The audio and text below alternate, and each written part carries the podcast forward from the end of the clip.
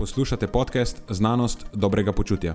To je oddaja, v kateri odkrivamo, kako lahko znanost pomaga izboljšati vaše počutje in kako kritično razmišljanje omogoča sprejemanje dobrih odločitev na področju zdravja in fitnesa.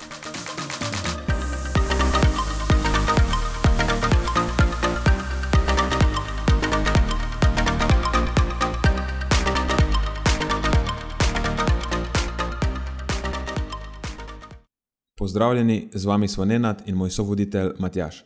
V tokratni epizodi najprej dodava nekaj malega koristnih informacij v zvezi z inozitolom, ki je bil glavna tema prejšnje epizode.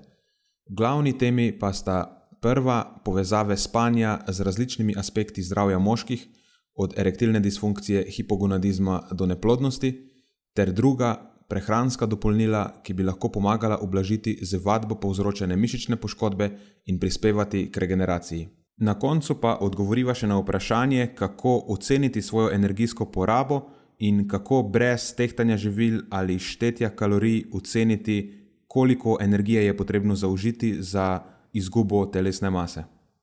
Preden začnemo, pa se moram zahvaliti še našim sponzorjem. Zaenkrat to še vedno ni velika korporacija, temveč zvesti poslušalci, ki nam izkazujete zaupanje in podporo s prijavo v našo člansko skupino Znanost dobrega počutja. Hvala vsem, ki s tem držite luči prižgane in omogočate podkastu, da raste ter postaja še bolj kakovosten. Hvala tudi vsem ostalim, ki nas podpirate z visokimi ocenami in pozitivnimi komentarji, ter tako, da priporočate podcast svojim znancem in prijateljem. Zdaj pa je končno čas za začetek epizode. Uživajte ob poslušanju.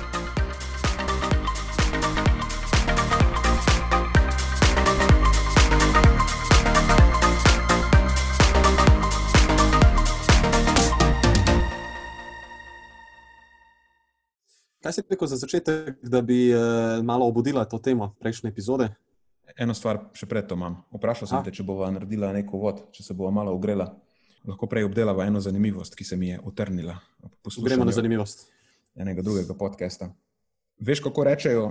Čaki, obstajajo še drugi podcasti, razen najo? Ja, obstajajo. obstajajo. Ne, ne tako dobri, ampak obstajajo. Oh. V glavnem, rečeno je bilo, pa ni to nekaj, kar je bilo samo tam rečeno, to je nekaj, kar je rečeno pogosto. Da v sodobnem času je na voljo veliko informacij, in zato, ker je na voljo toliko informacij, je posledično veliko zmede. Se ti zdi to smiselna predpostavka? Mislim, da slišal sem že to parkrat, no? e, zato, ampak ne, ne zdi se mi smiselno. E, prej bi rekel, da je to problem, da mi ne znamo kritično presoditi teh informacij, ki so nam danes. Sej ni problem to, da imamo toliko informacij na razpolago. Lahko je bilo še desetkrat več. Samo mi moramo znati razpolagati z njimi, jih kritično presoditi, vrednotiti in ne, postaviti to prakso, če je to potrebno. Evo, točno to sem jaz razmišljal o tem. Položil si mi jo, ne? ne vem, ampak nekako sem enako zaključil. Ker danes imaš pri roki internet, res je, da ti internet servira kupenih informacij, ne vem, če jim lahko rečeš, spoh informacije, nekih podatkov, nekih trditev. Ampak enako lahko s tem internetom potem te trditve preveriš. Lahko jih verificiraš, če so resnične ali če niso. Če veš to, seveda, narediti. Če pa to ni nekaj, kar je v tvojem kočku z orodji, potem je pa lahko to velika težava. Lahko celo potenciraš to težavo, ker če iščeš samo v eni smeri, potem si lahko dejansko netočno preobraziš v še bolj netočno. Uh mhm. -huh. Ker nekoč nismo imeli interneta. Če bi bil internet kriv za vse misinformacije, pa nasedanje neumnostim danes, potem nekoč ne bi nihče nasedel na nič. Nasedel na nič. Ampak vsak je imel izraz, eh, to kače olje je že kar precej stara zadeva, tako da izvira to. Veš, vsak, je imel, vsak je imel v kdaj smo bili, recimo v osnovni šoli ali pa vrtu, mogoče enega prijatelja, ki je vsakič trdil, da je njegov oče najmočnejši človek na svetu, pa da je njegov stric astronaut. Danes samo vtipkaš, kako mu je ime? Kako je, kako je tvoj oče? Kdo? A, ne, to pa ne bo šlo skozi, se upravičujem. Ne, to pa ni najmočnejši človek na svetu, je neki slandec. In verificiraš, kar češ, lahko verificiraš. Tako da ni to težava. nekako do tega zaključka smo očitno oba dva prišla. Uh -huh. Ja, se popolnoma strinjam. Ja. Uh, zdaj pa kako pa vrednoti te informacije, to je pa nekaj, s čimer se ukvarjamo tudi na tem podkastu, oziroma ena izmed primarnih stvari, o katerem se ukvarjamo na tem podkastu. Točno tako. Upam, da so do tega trenutka poslušalci že vzeli kakšen uh, pameten svet od najo tudi iz tega področja, ne samo iz področja uh, dobrega počutja na splošno. Pa načeloma mislim, da probava spodbujati vedno v tej smeri, podajava informacije z vso potrebno sivino. Vsaj tako mhm. občutek imam. Dobro, a bova nadaljevala z malo bolj resnimi temami? Uh, ja, rahel prehod že potem naprej v glavni del tega podcasta. Kaj omenil si, da si želel obuditi nekaj, kar se tiče inozitola, o katerem smo se pogovarjali v prejšnjem ja. podkastu? Tako je, še par malenkosti je ostalo od tistega inozitola. Po epizodi me je Tina prijazno opomnila, da sem pozabil eno malenkost. Namreč dejansko obstaja ena raziskava, zaenkrat je to sicer samo še preliminarni rezultat, ki ugotavlja pozitiven učinek uživanja inozitola tudi pri ženskah, ki nimajo PCOS, oziroma vsaj tam niso zajeli samo žensk s PCOS. In to je v primeru pre, premenstrualne disforične motnje. To je ena taka. Je to? Temu bi lahko mogoče rekli PMS na steroidih. okay. V bistvu okay. gre za motnjo razpoloženja, ki pač negativno vpliva na družabno in službeno življenje žensk nekako vse komponente družabnega življenja, na vse komponente vpliva negativno. Zgodi se načeloma v zadnjem tednu lutealne faze in je nek skupek fizičnih, razpoloženjskih, vedenskih simptomov. Tista, recimo, še posebej izražena je razdraženost, anksioznost, pa depresija in pač posledično močno poslabšanje kakovosti življenja. Bil sem potem presenečen, ko sem malo sem bral skozi to raziskavo da dejansko se predvideva, da prizadene 2 do 8 odstotkov žensk v ZDA in Evropi. To je pa izjemno velik, eh, velik delež populacije. Ja, tudi meni se je zdelo tako. Ker tukaj govorimo ne samo o nekih PMS simptomih, nekemu takemu, da je to v narekovaje normalni razdraženosti, ampak pač prav motni razpoloženja. Zdaj domneva mhm. se, da je to neka posledica teh hitro znižanih ravni progesterona in estrogena v tej lutealni fazi, v zadnjem tednu, oziroma čisto na koncu tega cikla. In zaradi tega pride najbrž, spet je to predvidevanje, do neke spremembe v teh eh, serotoninergičnih poteh, oziroma v serotoninergični aktivnosti. To bi bilo nekako je vplivano na delovanje neuroprenašalca, serotonina, recimo posledica teh sprememb je tudi najbrž povečana želja po oglikovih hidratih v tem obdobju. In potem so štartali ti raziskovalci v tej študiji, ki so raziskovali učinek inozitola na to eh, premenstrualno disforično motnjo, iz tega, da je mioinozitol pokazal antidepresivni učinek.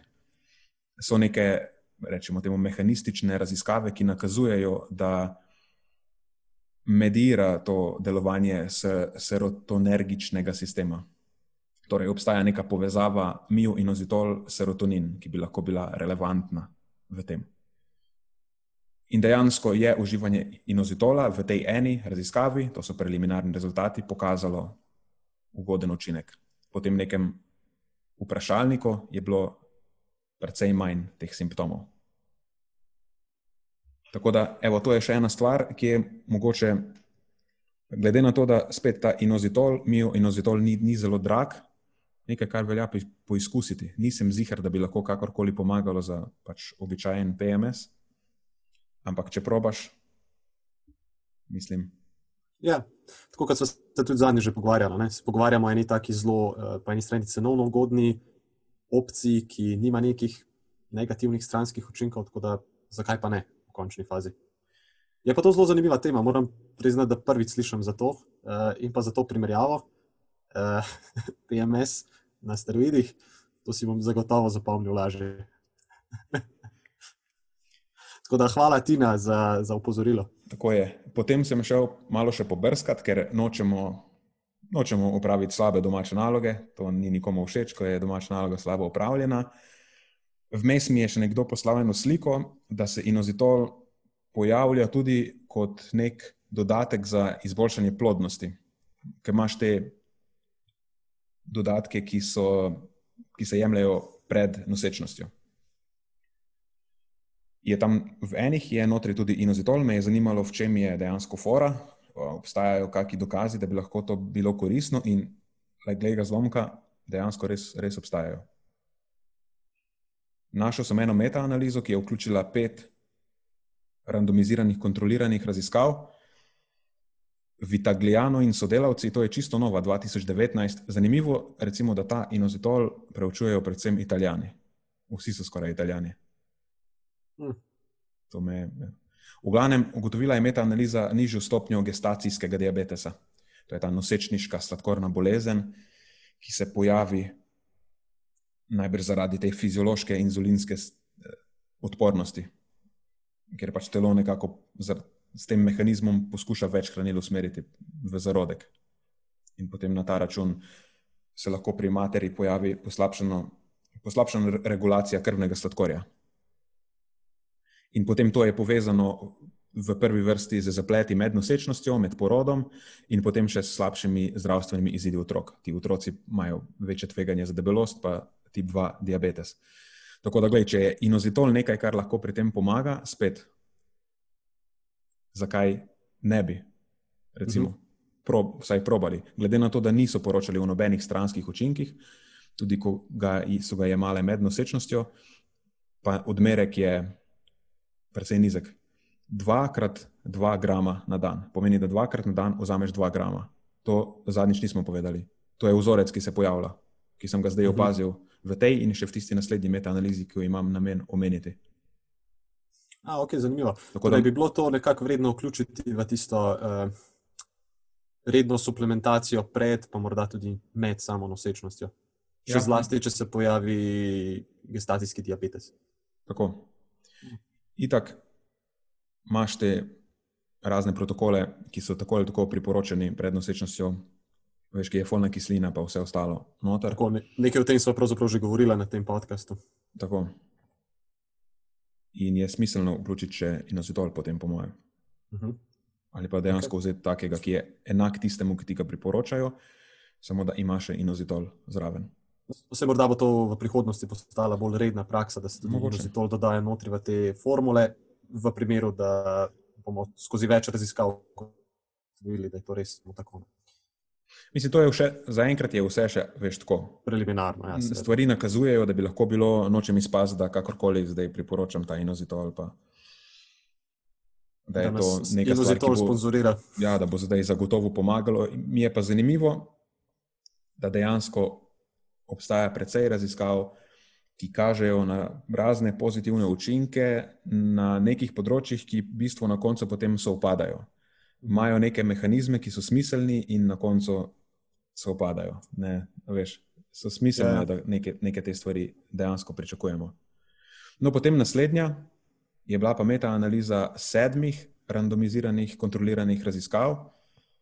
Zeng in sodelavci, to so pa še tista druga skupina, ki niso italijani, ki so Kitajci. 2017 je letnica Oni so pa recimo opazili signifikantno izboljšanje stopnje zanositve pri tistih ženskah, ki prestajajo postopek umetne oploditve. In nekako so zaključili, da bi zadeva lahko izboljšala kakovost zarodka. Sklepajo pa v mehanizmu, da visoka vsebnost miju in ozitola v jajčnikih in rodilih ugodno vpliva na signaliziranje predvsem tega eh, folikel stimulirajočega hormona, pa na maturacijo ovocit, torej na zorenje ovocit, in se reče, vse se reče zorenje. Uh mhm. -huh. In potem kasneje tudi ugodno vpliva na razvoj zarodka. In spet večina od teh sedmih raziskav je uporabljala protokol 2x2 grama na dan. Tiste, ki pa niso, pa 4 grame naenkrat. Mhm. Torej, to je očitno nek tak standardni protokol. Ja, mislim, da, mislim, da od tukaj izvira tisto priporočilo od 2 do 4. Ali ujemliš 4 ali jemliš 2 krat 2. Uh -huh. To se mi zdi smiselno sklepati. Okay. Več kot to nisem videl nikjer, tako kot so pa rekla, zelo visoki odmerki pa znajo povzročati negativne učinke, stranske učinke. Ne vem, če jih negativne, ampak neželene stranske učinke, prebavne simptome in tako naprej. To je to, strani inozitola. Ali... Okay. Dodatki Glede. na inozitolu obdelani. Tako je. Okay. Kaj, danes, danes je moj načrt, da izpolnim vse kvote in tako za moške, kot za ženske, bo ta epizoda. Zdaj smo Aha. govorili o zdravju žensk, v nadaljevanju bomo govorili tako o zdravju moških. Da, danes se bodo poslušalci naučili in o obstetriki, in ginekologiji, in urologiji, vse bomo zajeli danes, tako da smo super inkluzivni. Odlično, to je taka klasična epizoda. Oba dva biološka, oba dva biološka spola bomo zajeli in vsi se lahko počutite vključeno. Da ne bo kdo rekel, da so pristranska. Tako je. Odlično. Okay, kaj pa si imel v mislih za, na temo zdravja moških? Danes imam pregled, ni raziskava, pregledi niso raziskave, ampak je pa zanimiv pregled. Pregled je v bistvu ena taka zgodbica, ki jo napiše en raziskovalec, kako on vidi neko področje raziskovanja. V glavnem, to področje, a sem povedal, o čem govorim, o učinkih spanja na zdravje moških. S tem se bomo ukvarjali. In to ni neka tema, kjer obstaja dosti raziskav, se mi zdi, da je precej novo področje. Ampak očitno dovolj, da lahko naredimo en pregled na to temo. Tako je. Zato se mi je zdelo zanimivo, ker nekaj takega nisem, nisem še videl, kaj takega, vsaj ne zajeto vse skupaj. Ponavadi se pogovarjamo, ko rečemo, spanje je pomembno za zdravje. Ja, rečemo, vemo, spanje ima kritično vlogo pri zdravju. Imamo številne raziskave, ki so potem demonstrirale, kako je slab spanec povezan z slabšimi zdravstvenimi izidi, da je povezan z številnimi bolezenskimi stanji, z kardiovaskularnimi boleznimi, oziroma z višjim tveganjem za nje, za diabetes, za debelost, povišan krvni tlak, možgansko kap, razne neurodegenerativne bolezni. A sem pozabil kaj? To je najbrž to. Ne, ne. To je to. Kar nekako se večinoma omenja, ko govorimo o povezavah spanja in zdravja.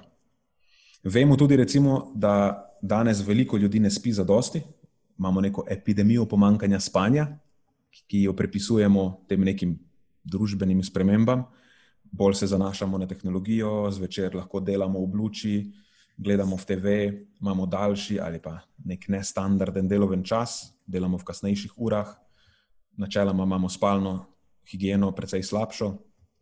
Tako da to potem vzrokuje temu, recimo, da so v ZDA nekako, do, to je v eni raziskavi je bilo pokazano. Iz leta 2012, znam biti, da je zdaj že situacija še slabša skoraj 30 odstotkov moških, ker se pogovarjamo o moških, v povprečju spi manj kot 6 ur na dan. In to je premalo. To je tista količina spanja pod 6 ur za odraslega, ki je nekako že povezana s slabšimi izidi. Je pa tukaj ključna beseda povezana. 7 pa 9 ur, ne? se priporoča večinoma. Ja, 7 do 9 ur se nekako priporoča biti ležati v posteli, uh -huh. 9 ur spanja, bi bilo eh, vsaj 10 ur ležanja v posteli, ker se vmes zbujamo, veš kako potem. Tako, imamo ja, fragmentirano tako. spanje, ne zaspimo takoj, zjutraj se malo prej dejansko zbujamo, že preden dejansko vstajamo iz postelje. Morda gremo na vrca vmes in tako dalje. Tako. Je pa itak odvisno od tega, kaj delaš v življenju. Vemo, da športniki načeloma potrebujejo več spanja v nekem dnevnem življenju, ko imajo obdobja napornega tekmovanja, potem včasih ne uspejo spati za dosti, pa tudi zelo naporno, naporna fizična aktivnost, recimo neki te Ironmani, ali pa ki več dni mogoče tudi tekmujejo. Kaj so to neke ultra? To so kakšne ultra vzdržljivostne preizkušnje iz najrazličnejših svetov. Tako, poslušal sem Amy, Amy Bender, je ena raziskovalka, ki je tudi preučevala spanje pri teh ultra vzdržljivostnih športnikih, je ugotovila, da nekateri dejansko ne spijo več takrat, ko so znotraj v tekmovanju, v fazi tekmovanja, da je mogoče vpliva potem ta zelo naporna fizična aktivnost na njihovo ar arhitekturo spanja. Dobro, pa da ne, ne, zaideva zdaj, da, da, da ne zaideva zdaj v športne vode, da se vrnemo nazaj. Nekako spanje ima lahko dvo, dvosmerno razmerje z zdravjem. Zato je ključna beseda pri tem je povezano. Dejansko ne vemo, kaj vpliva na kaj. Sploh, ko govorimo o nekih neurodegenerativnih boleznih, lahko da je potem slabše spanje posledica tega, ne nujno, da je obratno. Tu je še marsikaj neraziskanega. Se tudi potem pri zdravju moških boš dobil podoben občutek, da je precej enih povezav. So neki, so neke, neki dokazi nakazujejo, da bi najbrž lahko bila vzročna povezava v tej smeri, da če ne spiš za dosti, je tvoje zdravje na ta račun slabše. Je pa precej tudi takšnih povezav, za katere nismo, nismo najbolj sigurni. V glavnem, ta pregled, kon in sodelavci, vpliv spanja na zdravje moških, Men's Health, je unkevna revija. in zanimala jih je erektilna disfunkcija, predvidevam, da vemo, kaj to pomeni. Matjaža je malo zmanjkalo, ko se mu vzpostavi povezava, se nam bo priključil. Simptomi spodnjih sečil, spodnja sečila so mehur in sečnica. Tukaj govorimo predvsem o simptomih, ki izhajajo iz tega, da se poveča prostata in tako. To je s starostjo pogosto povezano. Potem zanimali so jih simptomi hipogonadizma, to so simptomi nizkega testosterona, ponavadi, oziroma hipogonadizem pomeni, da, da se sumi na to, da proizvodnja testosterona ni zadostna, in pa neplodnost jih je še zanimala. Prej sem vprašal, ko te je zmanjkalo vmes, ali vsi vemo, kaj pomeni erektilna disfunkcija. To je nekaj, si, eh, česar si noben moški ne želi. Absolutno. Absolutno. Glavnem... Tudi druge stvari, ki si jih omenil, so vsekakor zelo, zelo nevšečne. Mm. Milo rečeno. Ja.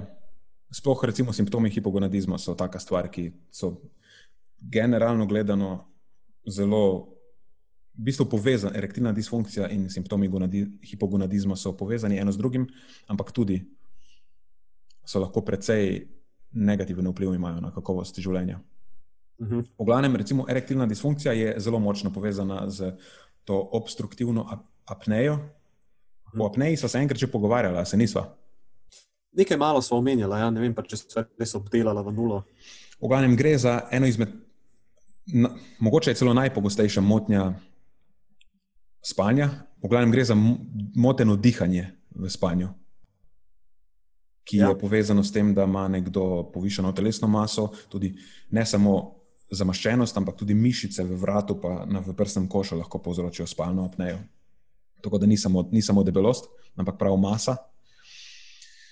Zgodi se to, da pride do prekinitev dihanja med spanjem, in potem je na račun tega fragmentirano spanje, poruši se ta normalna arhitektura spanja, kar potem, seveda, negativno vpliva na kakovost. Samo ti lahko spiš 9 ur, 10 ur si v posteli. Ampak če je enako, kot da bi bil 4-5. Recimo, ne vem, če je tako ekstremno. Ja. Ja, recimo. V glavnem zanimivo, da kar se tiče te obstruktivne apneje, obstaja ena terapija, ki se ji reče CPAP. To je po angliško Continuous Positive Airway Pressure. V glavnem, to je neka stvar, ki si jo daš na usta in potem se mi zdi, da ustvarja nek pritisk zraka, da lažje zajameš za dosti zraka. Ker stvar te obstruktivne besede, pravi obstruktivna, je, da masa pritiska na, na kako se reče, pomagaj mi. Na sapnik. Na sapnik, ja, to besedo sem iskal. Ta masa pritiska na sapnik in dejansko ne moreš, ne moreš dihati. Skratka, ne biti preveč nabit za predelo. Ja, ne, ne trenirati, ne trenirati vrat, vrat, vratnih mišic namenoma. A ni bila to enkrat, to je nek bil nek trend. Bomo trenirali vsi vratne mišice, ker potem izgledamo bolj nabiti. Tako, In, to je bil nek YouTube trend, res je. Ja. ja, to se meni zdi zelo smiselna zamenjava. Zgledaš bolj nabit, ampak ne moreš spati in dihati med spanjem, in posledično si veliko slabšega zdravja. Nenad, lej, za, veš, za vizualni izgled je potrebno poskrbeti. To je ekvivalent tega, da hodiš okoli v petkah. Imaš težave s stopali. Zanimivo je. Ja. Kaj, kaj nas vse sili ta sodobna družba delati? Tako. Kaj, če jaz vam moram pravici povedati, me, povedati, vam moram pravici, mene visoke petke odbijajo. Joj, mene marsikaj odbija, visoke petke so zagotovo tudi ena izmed teh stvari. Če je to koga slučajno zanimalo. Um, fizično ne morem gledati, kako, kako se deformira stopalo. Opazil sem že tudi v, v samem Džimu, uh, kako imajo nekateri težave s tem in to potrebno pač odpraviti. Ne? Ampak nekateri potem na račun tega, da imajo recimo tako službo, kakršno imajo, so vsaj mislijo, da so primorani to potem tudi nositi še vedno dalje in imajo težave. In to je težko potem odpraviti, da je v eni uri treninga, parkrat tedensko maksimalno. Prosti, malo sem zašel. Ampak, ja, ja. ne, se, v bistvu sem jaz tisti, ki sem iztiril debato. V glavnem, govorila smo o tej terapiji, ki bistveno potem izboljša spanje teh ljudi. In dejansko Melehan in sodelavci, ne vem, če sem prav izgovoril njegov priimek, oprosti mi Melehan, ampak so vključili udeležence v raziskavo, eni so dali pravo to terapijo, veš, ene so pa samo priključili na aparat in se ni nič dogajalo. Mm. Ampak so mislili, da se dogaja. Tako, tako. In se je močno izboljšala erektilna funkcija samo tistim, ki so imeli to terapijo, in tudi poročali so, da je zadovoljstvo s spolnim življenjem pri njih bistveno boljše, kar je logično. Eno brez drugega ne gre, oziroma prvo je predpogoj za drugo, načeloma. Razen, če si zelo iznajdljiv. Ja, tako je. Zelo, zelo iznajdljiv. Ja, in zanimivo da je učinek te terapije bil boljši od vardenafila, zanimivo dejstvo. To je en PDE-5 inhibitor, reče se zaviralec fosfodiesteraze tipa 5. In to je načeloma učinkovina prvega izbora, ko se zdravi to erektilno disfunkcijo. In kaj oni domnevajo, je to, na podlagi rezultatov, da bi obstruktivna spalna apneja lahko tudi povzročila slabše odzivanje na to zdravilo. Pomeni, da ti to zdravilo dejansko ne more pomagati, če že imaš, ali pa ti pomaga v manjši meri, če v ozadju je neka motnja spanja. Tako da je, bi bilo smiselno motnjo spanja odpraviti in potem bi tudi zdravilo učinkovalo bolje. Mogoče ga sploh ne bi potreboval. To je recimo ena povezava, ki je. Mhm. Potem tudi te motnje spanja povezane z delom v izmeni, rečejo jim shift work sleep disorder, so isto precej močno povezane z disfunkcijo, erektilno disfunkcijo. Pride do nekih Tukaj vemo, da pride do nekih motenj ali pa disrupcije teh cirkadijanih ritmov, na kar posledično vpliva tudi na, na to arhitekturo spanja, ki ni taka, kot bi morala biti. To so, to so tisti moški, ki poročajo vsaj en mesec potem, ko delajo v izmeni, o zaspanosti čez dan, o nespečnosti, poslabšani te družbeni in delovni aktivnosti ali storilnosti ali kakorkoli. Veš, isto kot začneš subjektivno opažati, da ti manjka spanja. No, pri tistih so ugotovili to povezavo, tudi splošna nespečnost pri vseh je neka povezava. In uh, ena raziskava je Sehus in sodelavci, kjer moški z višjim tveganjem za nespečnost ponavadi imajo signifikantno niže rezultate na enem točkovniku, ki se mu reče, oziroma ki ima kratico IIEF torej International Index of Erectile Dysfunction. To je očitno nek validiran test za, za ocenjevanje erektilne disfunkcije. Da, za to stvar je povezava. To je test, ki upam, da ga nikoli ne bom rabo imati. Ja, to je, to je težava, ki je precej očitno povezana z motnjami spanja. In se je smiselno dobro naspati, če želiš to funkcijo ohranjati na visokem nivoju. Potem še ena zanimiva stvar je bila glede teh simptomov spodnjih sečil. To je ena stvar, ki je pogosto povezana s staranjem, oziroma to najbrž vsi moški bomo enkrat opazili med staranjem. Ponavadi se ta zdeva pripiše tej benigni hipertrofiji prostate, ki očitno med staranjem malo raste. In označujejo skupek simptomov. To je tisto občutek nepopolnega praznjenja mehurja, težave z uriniranjem, kako rečejo v angliži temu, weak stream. Ne vem, kako to mhm. prevedeš. Eh, slab tok. Slab tok. V tekmovanju, v tekmovanju, komu ne sedlje, ne moreš več zmagati. To, to je praktična posledica tega. V glavnem, recimo, tudi pogosto uriniranje je potem težava in ena stvar, ki se ji reče nokturija, ki je pa uriniranje zvečer. recimo, da večkrat moraš ostati zvečer. In recimo, sploh ta nokturija je precej pogosta, z staranjem narašča. Pogosto starejši moški o tem pogosteje poročajo.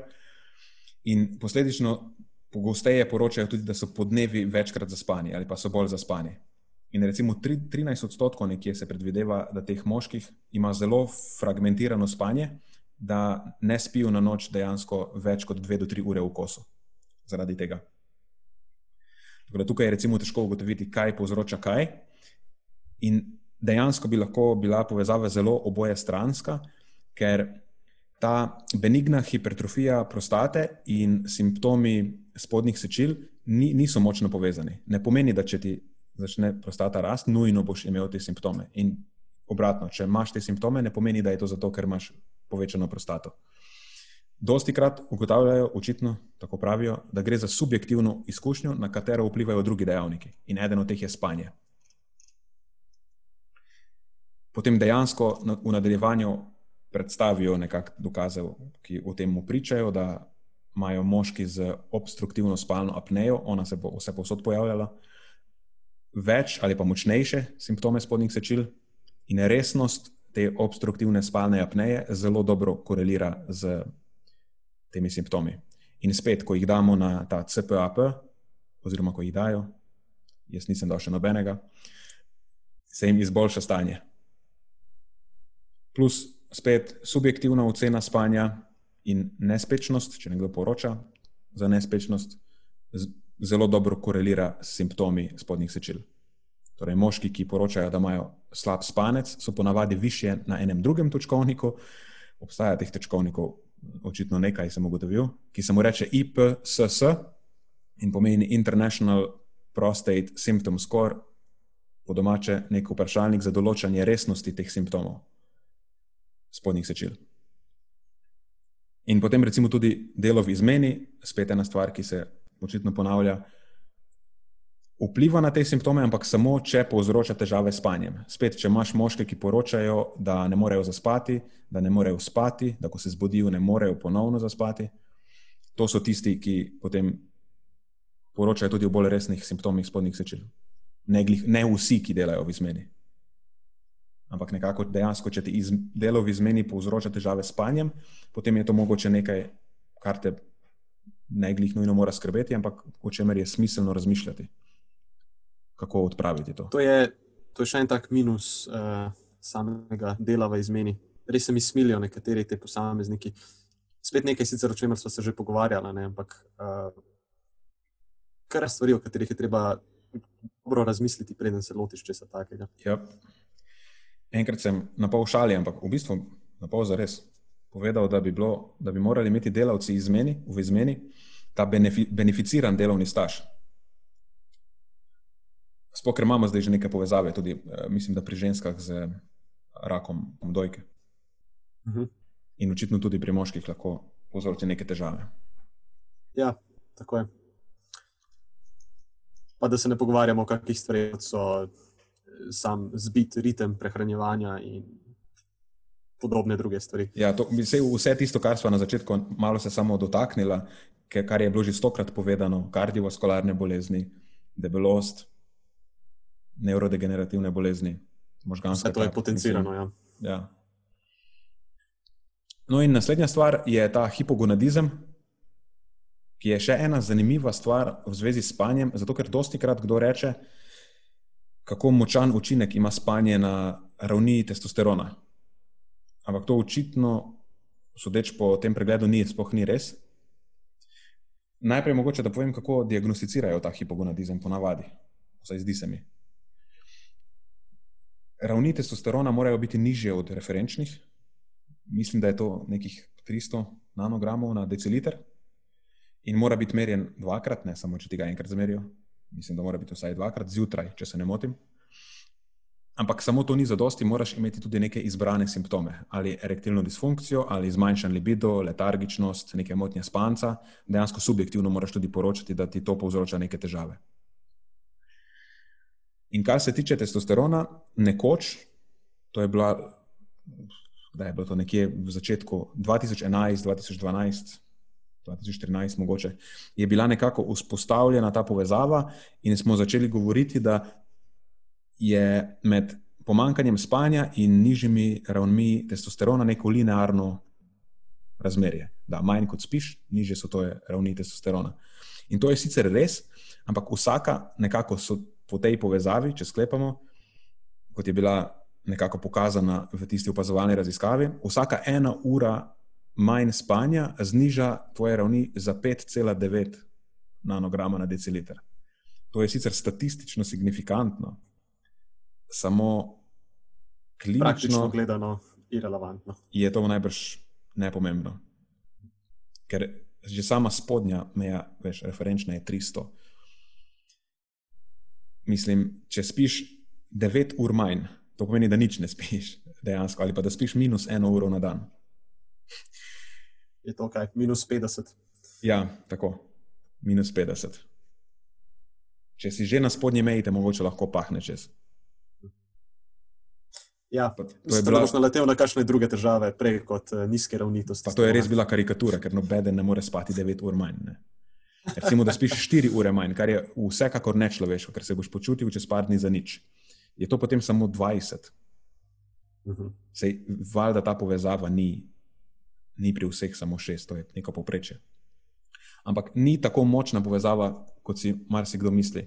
Ker včasih se mi zdi, da je kdo operira pod predpostavko, da če eno noč ne spiš, da potem nimaš več testosterona. Ne, to ni. To se najbrž ne bo zgodilo. In potem tudi pri delavcih v izmeni, če to slučajno koga skrbi, na podlagi tega, kar so vse prej povedala, ni neke povezave. Nek, kaj je to, nek Poljak, pastuščak, je ugotovil, da dejansko delo v izmeni ne vpliva niti na skupni testo, testosteron, niti na prosti testosteron, niti na ta, kako je DHE, dehidroepiandrosteron, če se nisem zmotil. Um, bo rekla, to je prekurzor steroidnih hormonov, niti na to ne vpliva, niti na folikel stimulirajoči hormon, niti na luteinizirajoči hormon, nič od tega. Nobene povezave. Recimo, niti obstruktivna spalna apneja ni povezana signifikantno. Zaenkrat ni vzpostavljene neke hude povezave s testosteronom. Je pa zanimivo, da kljub temu, da sam testosteron ni povezan s spanjem, so pa povezani simptomi hipogonadizma. Smo rekli, da sta to dve ločeni stvari. Recimo, erektilna disfunkcija smo že ugotovili, da je povezana. Ne glede na to, koliko imaš testosterona, stvari ne bodo dobro funkcionirale. Potem pa tudi poslabšan libido, letargičnost, zmanjšana sposobnost produkcije moči, recimo, bolj si tak šloh, rečemo temu. Vse to pa dejansko je povezano s pomankanjem spanja. In potem tudi moški, ki slabše spijo, imajo slabše rezultate na točkovniku, ki ima izjemno eh, domiselno ime, reče se mu Adam, ADAM, in je v bistvu kratica za Androgen Deficiency in Aging Males. To je pa vprašalnik, ki testira za simptome hipogonadizma. Torej, ta Androgen Deficiency in Aging Males je pomankanje androgenov pri starajočih se moških. Mhm. In ta povezava je recimo še posebno izražena pri tistih, ki smo prej rekli, da imajo shift work sleep disorder, torej motnje spanja povezane z delom v izmeni. Tam je to bilo ugotovljeno, da je še posebno izrazito.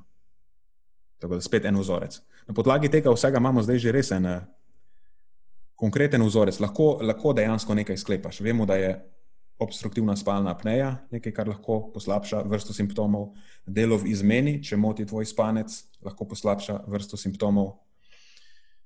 In če ima nekdo neke simptome, na koncu, kar lahko iz tega potegnemo, če ima nekdo neke simptome, recimo tudi simptome hipogonadizma, in mu je odkrit relativno normalen tes testosteron, potem pač je meni se zdi naslednja smiselna postaja, ali pa že prej mogoče, preden karkoli, kako spiš dejansko. Ker če ne preveriš spanja, preskakuješ stopničko. Tudi če ti na koncu, recimo, da ti na koncu dajo neko zdravilo, obstajajo. Imamo neke dokaze, ki namigujejo v tisti smeri, da tudi zdravila ne bodo tako učinkovita, če ne spiš za dosti. Da ne pozabim še zadnje stvari, plodnost. To je še ena stvar, recimo, ki v sodobnem svetu je ta, da se število spermijev znižuje, recimo, da nasplošno je plodnost moških nižja. Neki dve meta-analizi sem našel, Levin in sodelavci, pa Swan in sodelavci, in skupaj lahko na podlagi teh dveh meta-analiz nekako sklepamo, da je v zadnjih 40 letih se število teh plavalcev znižalo za 50 do 60 odstotkov, kar je meni se zdi precej signifikantno. Uf, zelo signifikantno.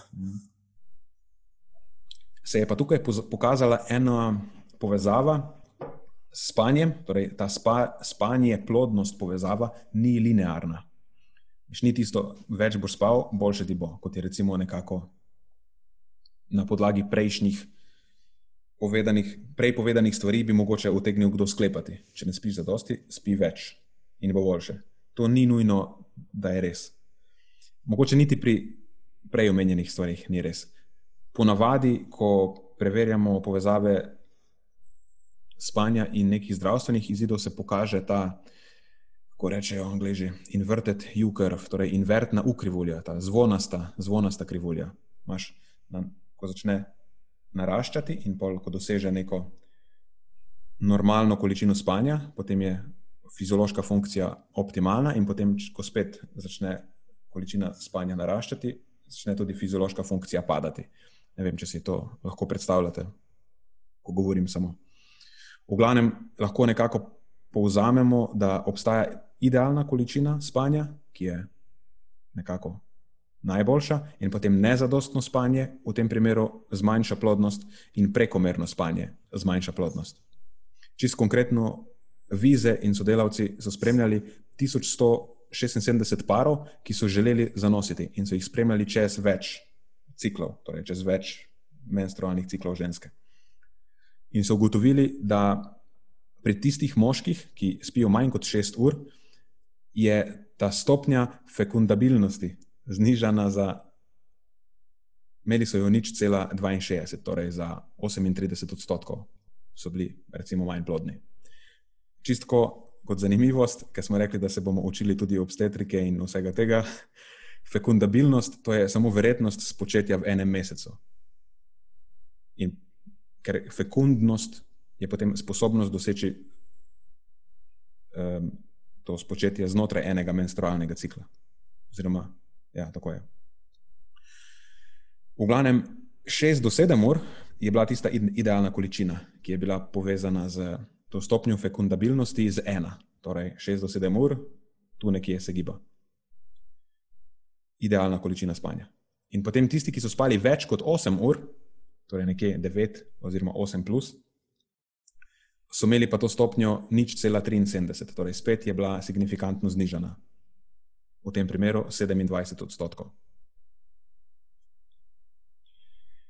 In za konec spet delo v izmeni bi lahko oslabilo spermatogenezo, to je to proizvodnjo semenčic, in pa obstaja možnost tudi, da se bo pokazala v kratkem neka povezava z višjim tveganjem za neplodnost, če bi zaenkrat ta povezava ni zelo dosledna. Je pa recimo dosledna povezava z, z številom spermijev. To je edina povezava dejansko.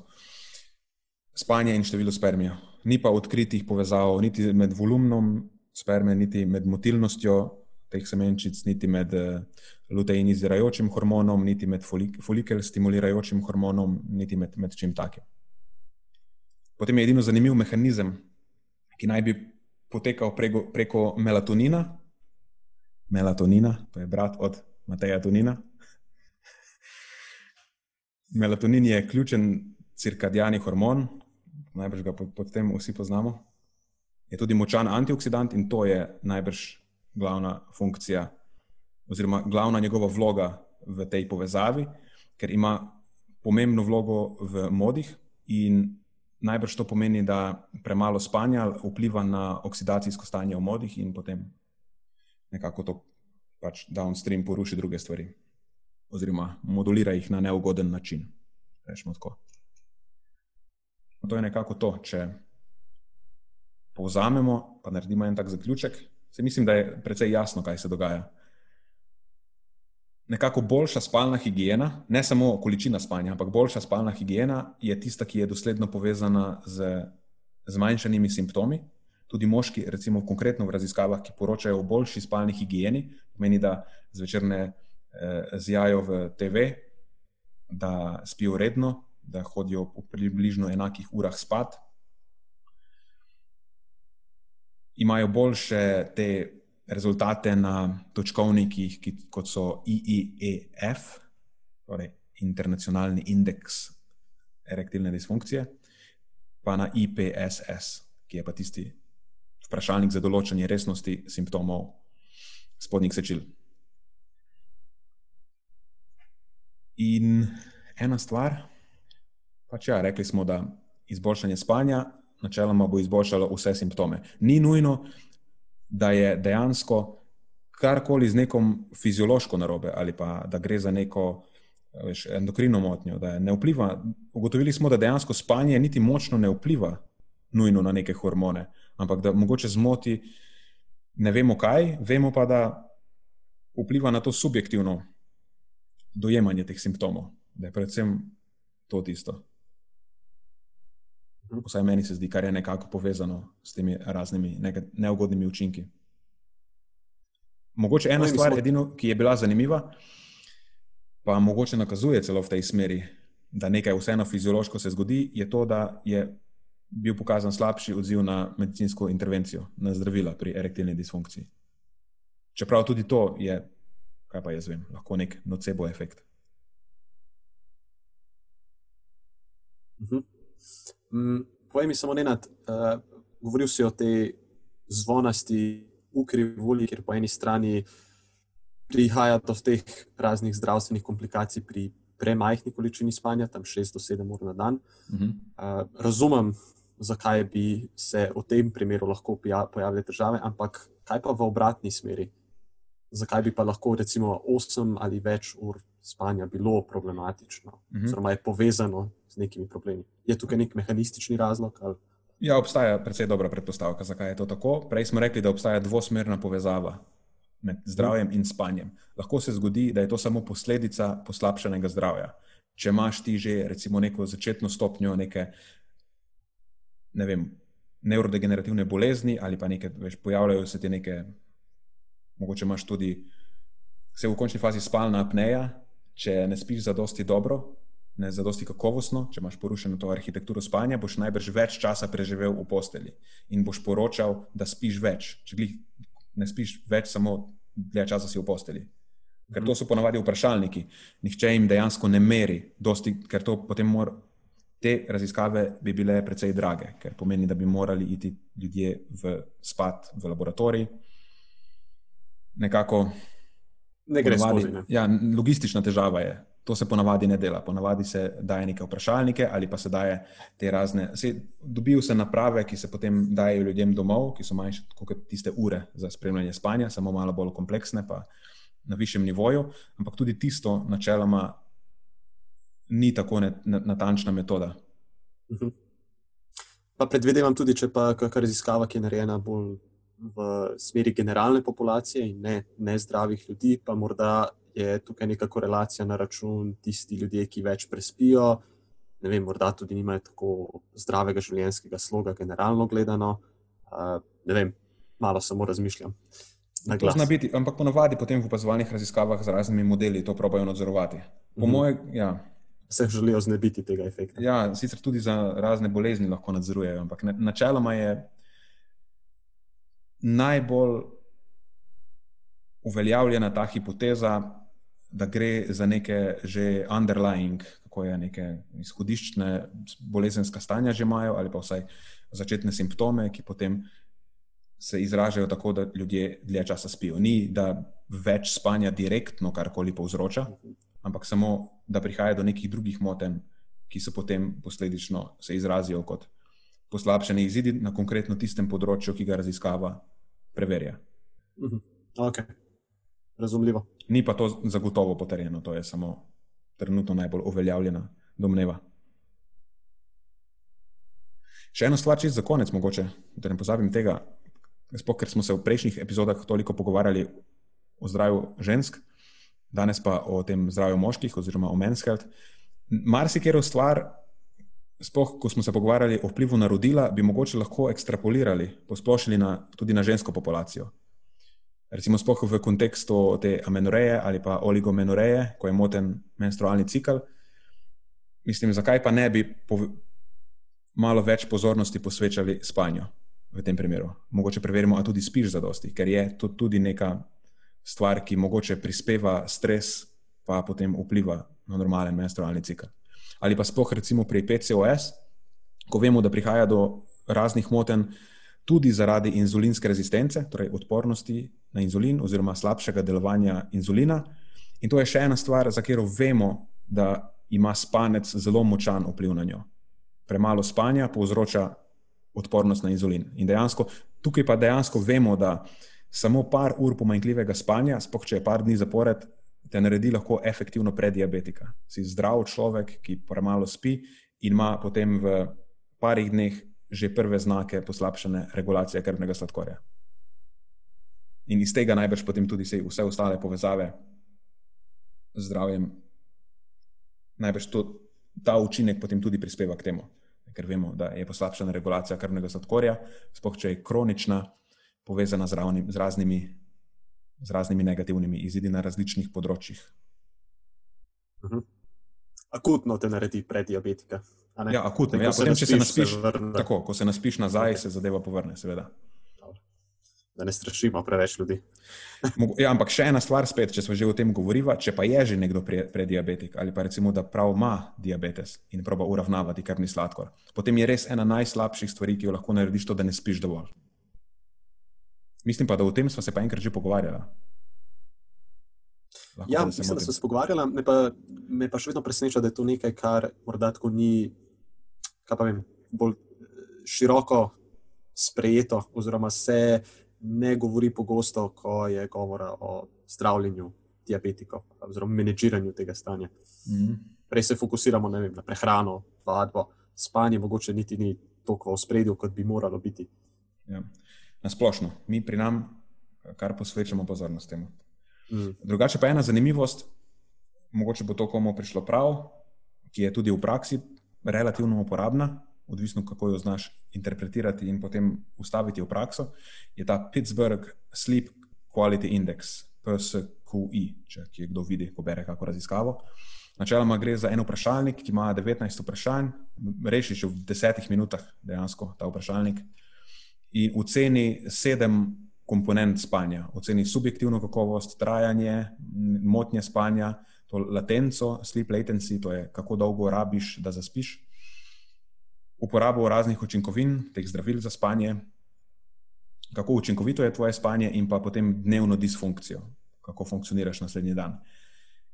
In če se ugotovijo nenormalni rezultati v kjerkoli komponenti, potem eno je, da pač lahko osebo napotiš k specialistu za spanje, sploh če mu to povzroča neke subjektivne simptome. Zdaj, recimo, da jaz rešim ta vprašalnik, pa ugotovim, da je neka težava v eni od komponent, ampak delujem normalno, potem se mogoče s tem ni zelo smiselno obremenjevati.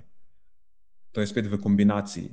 Imamo vprašalnik, ki ga načeloma ne grem reševati, če spim dobro grem ga reševati, če sumim, da je nekaj narobe z mojim spanjem, ker se že počutim slabo. In pol, če ta vprašalnik mi to pokaže, je to neka indikacija, da je fajn obiskati nekoga, ki se razume v spanje, idealno specialista za spanje.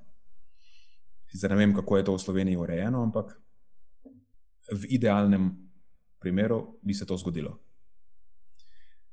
Je pa tako, da bo najbrž Prva stvar, ki jo bo dobil tam, tudi pri specialistu za spanje, bodo pač na sveti za izboljšanje spalne higiene.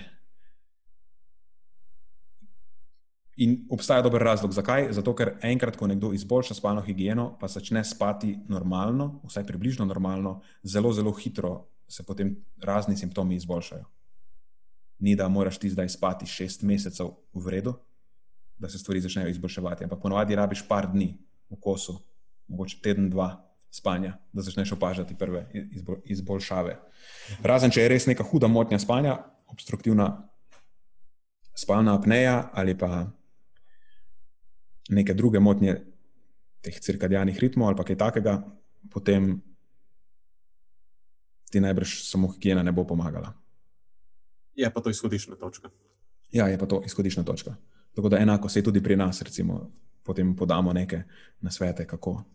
To je potem že druga, druga prezentacija, oziroma drug, drug podcast, ali pa celo prezentacija. Ja, ja. Kaj so neki nasveti za boljši spanec? Odlično, bomo prišparali za daj drugič. Definitivno. Za neko drugo priložnost, zihar ne bo na podkastu o tem govorila, ali pa mogoče. Ok, to je to, veš, z moje strani. Hm. Ok, odlično. Pa bomo pa malo prešaltali eh, temo, se veš, mešano na žaro, tako kot vedno.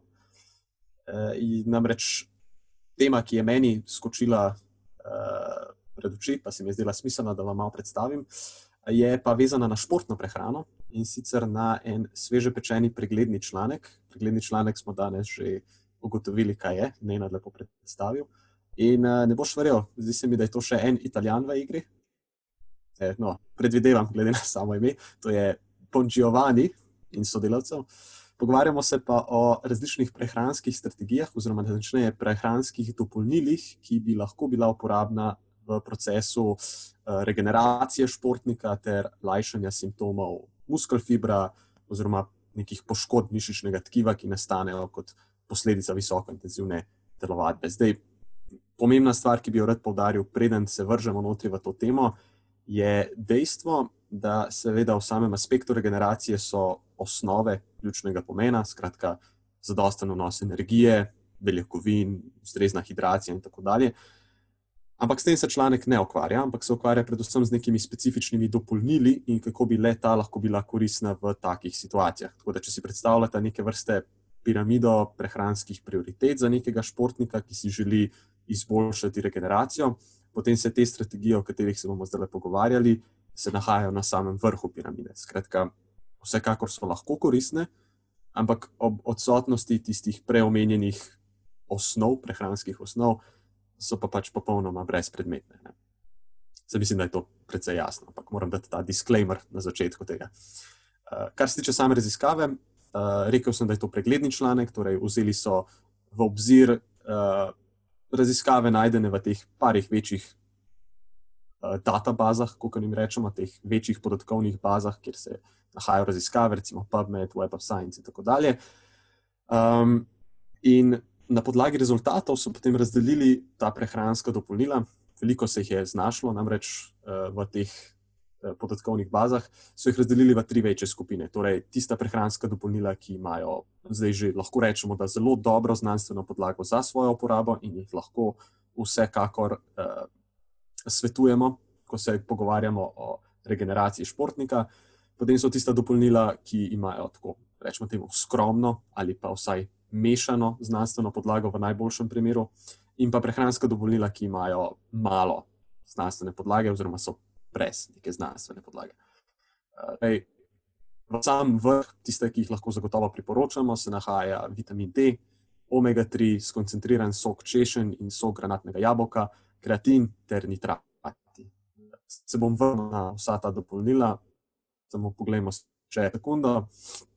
Za, v to drugo skupino, torej dopolnila z neko bolj skromno ali pa mešano znanstveno podlago za svojo uporabo, smo najdli trulin malat, eh, potem imamo tukaj sok, lubenice, potem je ta beta-hidroksi, beta-metilbutirat oziroma HMB, eh, potem so tukaj beljakovine. Zdaj, beljakovine, predvsem iz tega vidika, da so vsekakor so ključnega pomena za regeneracijo, da ne bo pomote, ampak nimajo pa nekega bistvenega vpliva na zmanjšanje muskelfibra ali pa imamo vsaj neke bolj kane mešane rezultate na to temo. Potem imamo pa tukaj še glutamin, L-karnitin, kurkumin, kofein in še vrsto drugih dopolnil.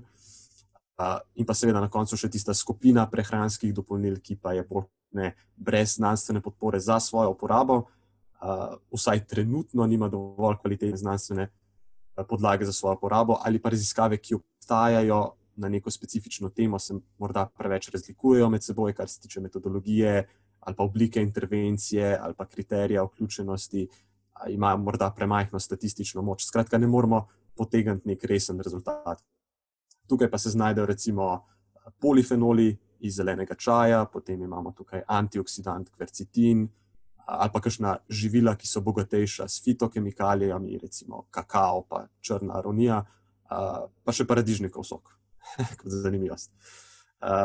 Zdaj, ta raziskava se meni osebno zdi zelo zanimiva, predvsem iz tega vidika, ker je to taka zimzelena tema, zimzelena športno-prehranska tema. Ne vem, koliko krat sem dobil vprašanje, kako iz prehranskega vidika izboljšati regeneracijo. Um, bi pa rekel, da obstaja neka vrsta dilema pri, pri uh, implementaciji nekaterih izmed teh omenjenih prehranskih dopolnil oziroma prehranskih strategij. Namreč ti unetni procesi in pa oksidativni stres, ki nastane kot posledica visoko intenzivne telovadbe in posledica tega je potem tudi pač občutenje muskel fibra in pa utrujenost in podobno, so seveda do določene mere pač nujno potrebni, ne, če želimo iz vadbenega procesa iztržiti največ, kar se da ven v smislu adaptacije na sam vadbeni proces, kakor tudi optimizacije telesne sestave. Zato imamo zdaj že tako zelo dobre rezultate. Skratka, pri nekaterih med teh prehranskih polnim omenil, katera to predvsem so, se gre eh, za neke vrste, oziroma smiselno je, da se poslužimo neke vrste periodiziranega pristopa pri takih strategijah, kjer recimo takih prehranskih dopolnil ne koristimo tekom vadbenega procesa, takrat, ko želimo, da športnik iztrži največ ven v smislu adaptacije. Torej, to je bolj kot nek baza oziroma neko predtekmovalno eh, obdobje, vsaj večino časa in se potem poslužimo takih strategij, predvsem v času, ko nam je regeneracija pomembnejša od adaptacije. Skratka, neka tekmovalna obdobja, ko je čas za regeneracijo med tekmami kratek. Pa bi pač radi športnika čim hitreje spravili v čim boljšem stanju nazaj na tekmo, zato da lahko tekmuje na najvišjem nivoju. Uh, sicer pa omenil sem kar precej prehranskih dopolnil, ne bi se ustavljal na vseh izmed njih, ker nam tale podcast, nažalost, tega časovno tudi ne bo dopuščal. Omenil bi samo te tako imenovane zmagovalce, skratka, tista prehranska dopolnila, ki uh, vsekakor so ključnega pomena za regeneracijo, oziroma ne prehranska dopolnila, morda kar hranila, ki so ključnega pomena uh, za regeneracijo in pa zmanjšanje nekih posledic uh, visoko intenzivne telovadbe v smislu poškodb mišičnega tkiva. Uh, se znajde na tem seznamu je omega-3, To je nekaj, o čemer smo z Nenadom že podrobneje govorili na tem podkastu, predvsem iz vidika zmanjšanja raznih unetnih procesov, izboljšanja adaptacije na vadbo. Tukaj ne bi izgubljal preveč besed. Potem je tukaj vitamin D. Vitamin D vemo, da vsaj neke zadostne ravni vitamina D so ključnega pomena. Ne samo za zdravje skeletnega sistema, kot ga pogosto povezujemo, ampak tudi za optimalno delovanje imunskega sistema, kakor tudi za optimalno adaptacijo na sam vadbeni proces. Potem sta tukaj dva, morda malo manj znana, oziroma malo manj znani prehranski dopolnili, to je skoncentriran sok češen in pa sok granatnega jabolka. Oba sta pravzaprav tako izvrsten vir antioksidantov in ravno na tem naslovu lahko pripomorete k blaženju teh raznih unetnih procesov. Ampak pozor, to je ravno tisto, o čemer sem prej govoril. Ne, kaj se tiče samega tajminga vnosa, oziroma same periodizacije vnosa takih prehranskih dopolnil, kaj nam je zdaj pomembneje, konkretno, adaptacija ali regeneracija, v kateri fazi se pravzaprav športnik nahaja. Smiselno je to treba implementirati v športnikovo prehrano in mu nekaj tako dajati za vsak slučaj, ker pač. Potem je tukaj kreatin, mono, predvsem mono. Edina oblika, oziroma rečeno, tista oblika, ki se daleč najpogosteje uporablja tudi v raziskavah. In ja, kreatin, monohidrati lahko Poleg tega, da se uporablja seveda za hitrejše pridobivanje puste mase in pa mišične moči, je dejansko lahko tudi koristen uh, tekom nekega procesa boljše adaptacije na vadbo. Uh, in na koncu so tukaj še nitrati oziroma sok rdeče pese, kjer se seveda nahajajo nitrati. Uh, te pa delujejo kot neke vrste vazodilatator, torej nekako povečajo pretok krvi po žilah, s tem pa potencialno dotok nekih hranilnih snovi v mišice in sočasno pospešujejo to odstranjevanje odpadnih produktov metabolizma ven iz njih. Torej, to so nekako ta prehranska dopolnila, ki so zagotovo vredna razmisleka v namen neke boljše regeneracije, eh, potencialno zmanjšanja nekih negativnih učinkov visoko intenzivne telovadbe na poškodbo mišičnega tkiva. Vsa ta prehranska dopolnila niso uporabna v vseh situacijah, potrebno je razmisliti, kdaj bomo uporabili določena izmed teh prehranskih dopolnil, v katerih športnih situacijah, oziroma za katere športe. Uh, in pa seveda pozabite na ta prehranska dopolnila, dokler nimate samih osnov poštimanih. To je pa nekako to, ta glavni del, v katerega sem jaz uh, danes želel skočiti. Kaj praviš, Nenad? Cool, to je potem dejansko, dejansko lahko narediva nek povzetek tega, kje so uporabna prehranska dopolnila na podlagi tega, kar smo danes povedali, vključno s tistim prvim delom. Zato, ker ima, kaj imam v mislih, je predvsem to, ko govorimo o teh prehranskih dopolnilih, ki imajo znanstveno podlago. Ponavadi, kaj povemo? Kreatin, omega-3, ja. recimo. Tako, nitrati. Tako, soda bikarbona je v smislu nekih vzdržljivostnih športov. Tako, betalanin, prav tako morda. Tako. In potem nekako se konča, skoraj rečeno. Peščica, praktično na dlanih lahko naštejemo. Mhm. no, mogoče tem zdaj lahko dodava še. Evo ga. Malo za šalo, malo pa tudi za res. Dejansko sem bil presenečen, koliko ima inozitol neke znanstvene podlage, morda celo bistveno več kot neka druga prehranska dopolnila, ki se želijo priključiti tej skupini znanstveno dokazano učinkovitih. Tej elitni skupini.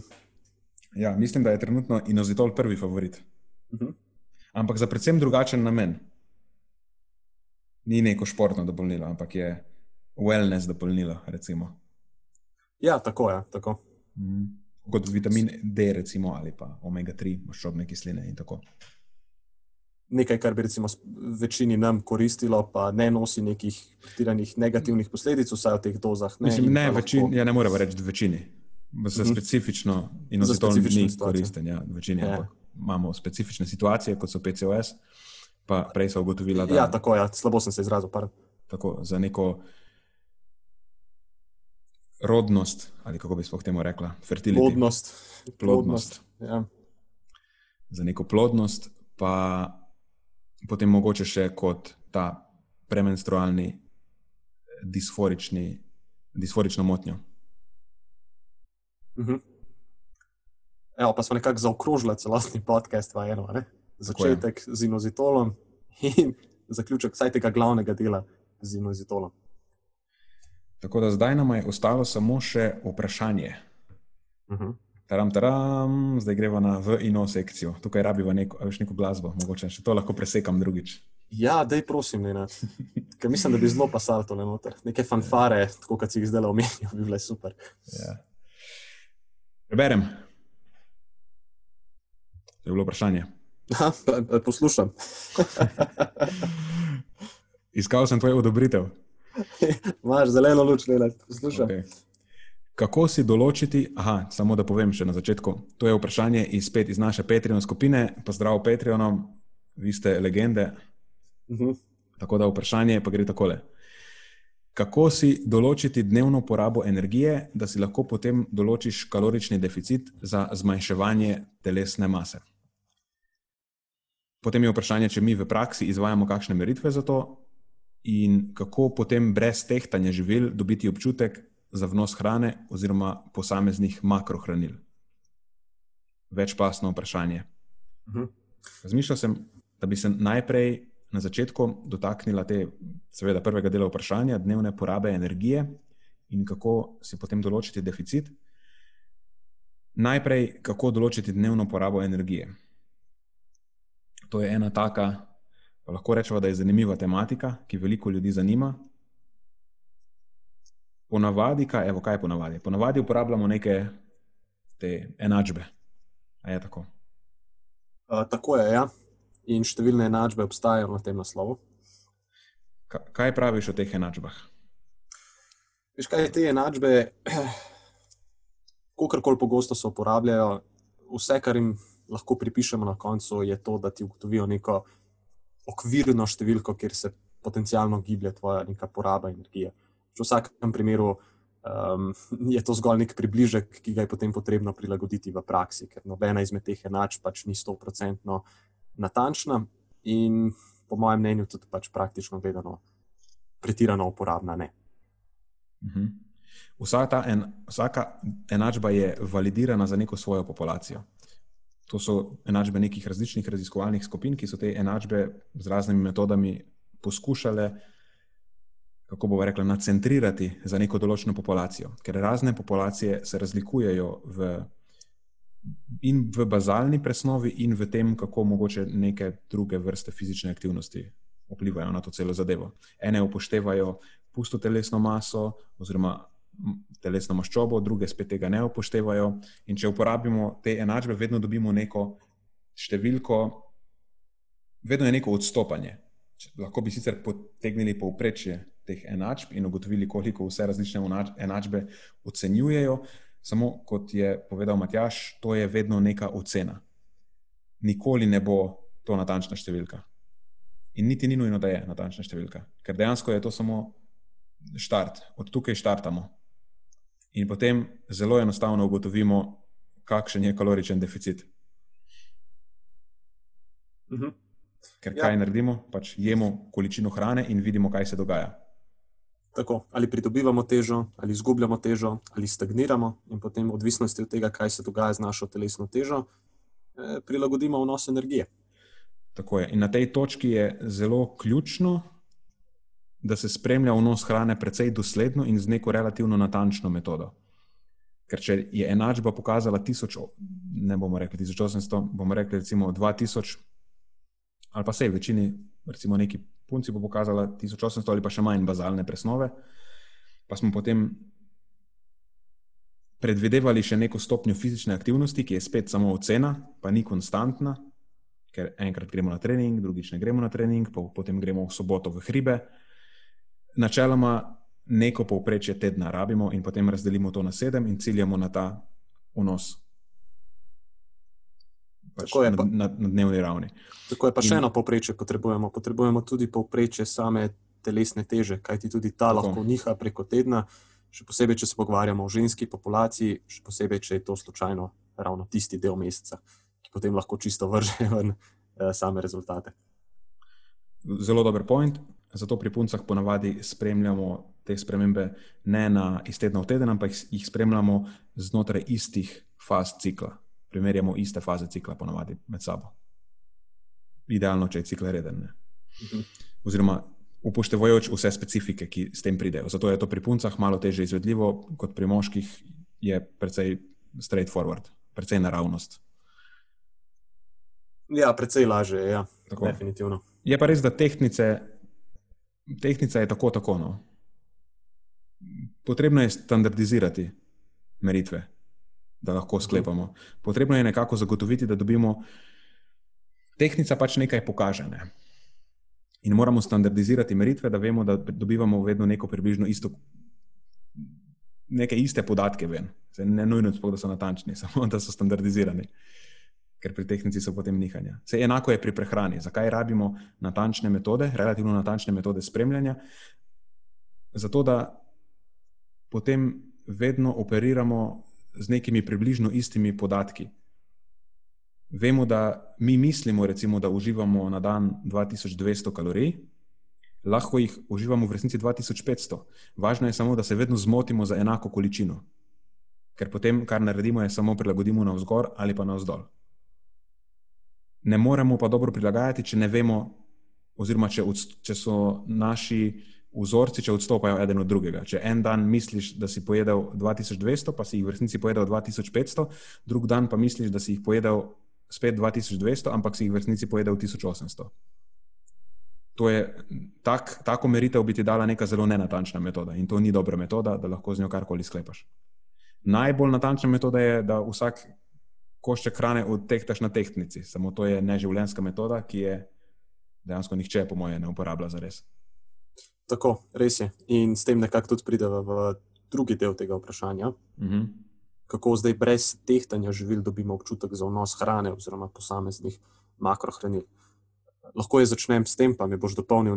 Zdaj, po mojem mnenju, je najlažji, daleč najlažji način, najbolj human način, uh, da si naredimo nek, neke vrste mušter, če se lahko tako izrazim, po katerem se sestavlja obroke.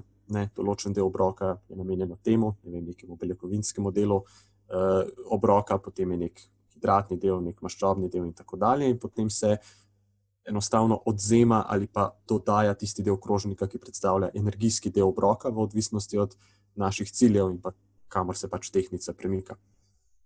To je en tak zelo človeku prijazen način. Obstajajo ja. pa seveda še drugi. To je mogoče malo preveč abstraktno, ne, ne vem, če bodo vsi razumeli to. Uh mhm. -huh. Dejansko je treba hrano uvrednotiti z nekimi enotami.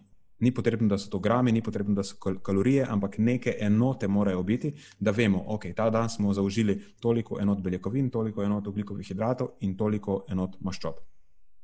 In tako kot si namignil, že obstajajo različne metode, lahko vem, meriš z žlicami, lahko meriš z kozarci, lahko meriš z kaj še imajo angliži. Spon, z, ne vem, z, ka, z kantami, z, z kapsi, ja. kaj so to, šalce.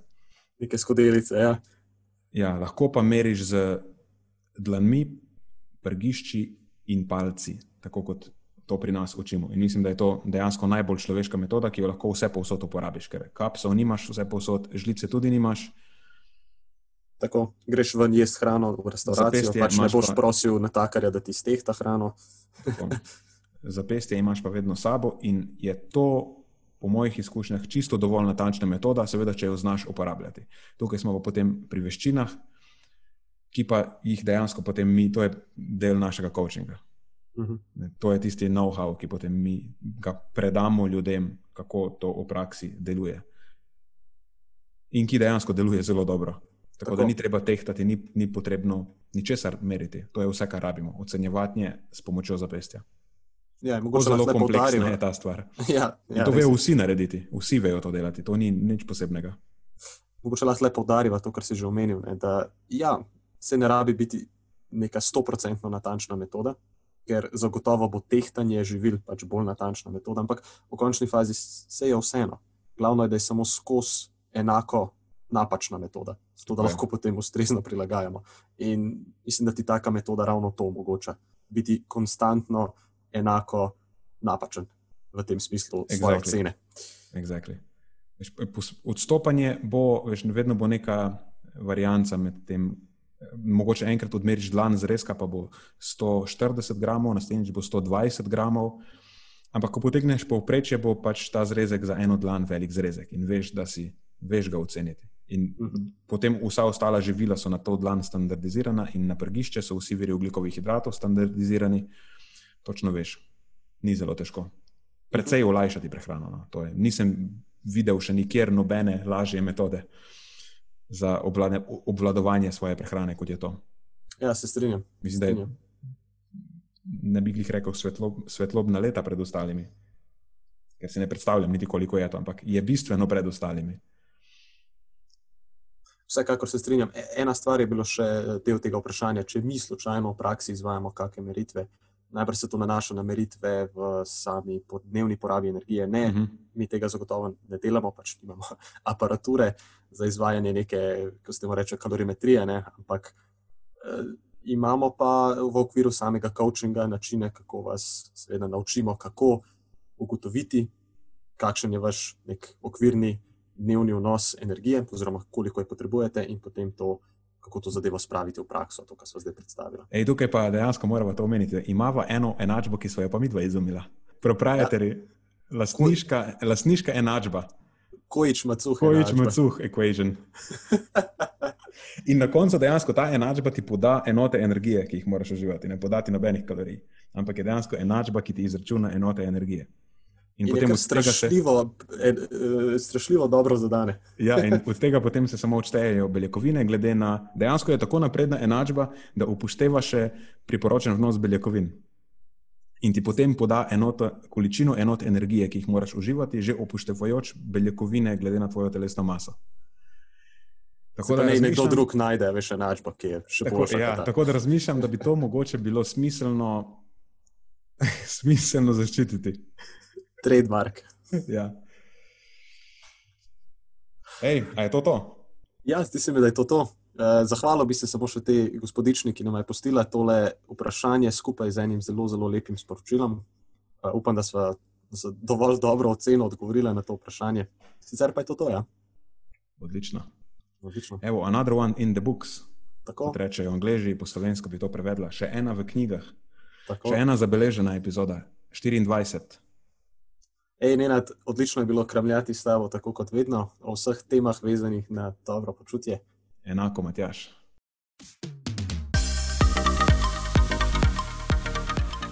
To je za tokrat vse iz naše strani. Hvala, ker ste poslušali do konca. Če mislite, da je bila današnja epizoda pomembna, jo prosim delite s svojimi znanci in prijatelji in jo priporočajte dalje, saj s tem omogočite, da doseže čim večjo množico. Hvala vsem, ki nas podpirate s članarino in tudi vsem ostalim, ki delite podcast dalje in nam izkazujete naklonjenost z visokimi ocenami in pozitivnimi komentarji. Se slišimo prihodnjič, do takrat pa ostanite premišljeni.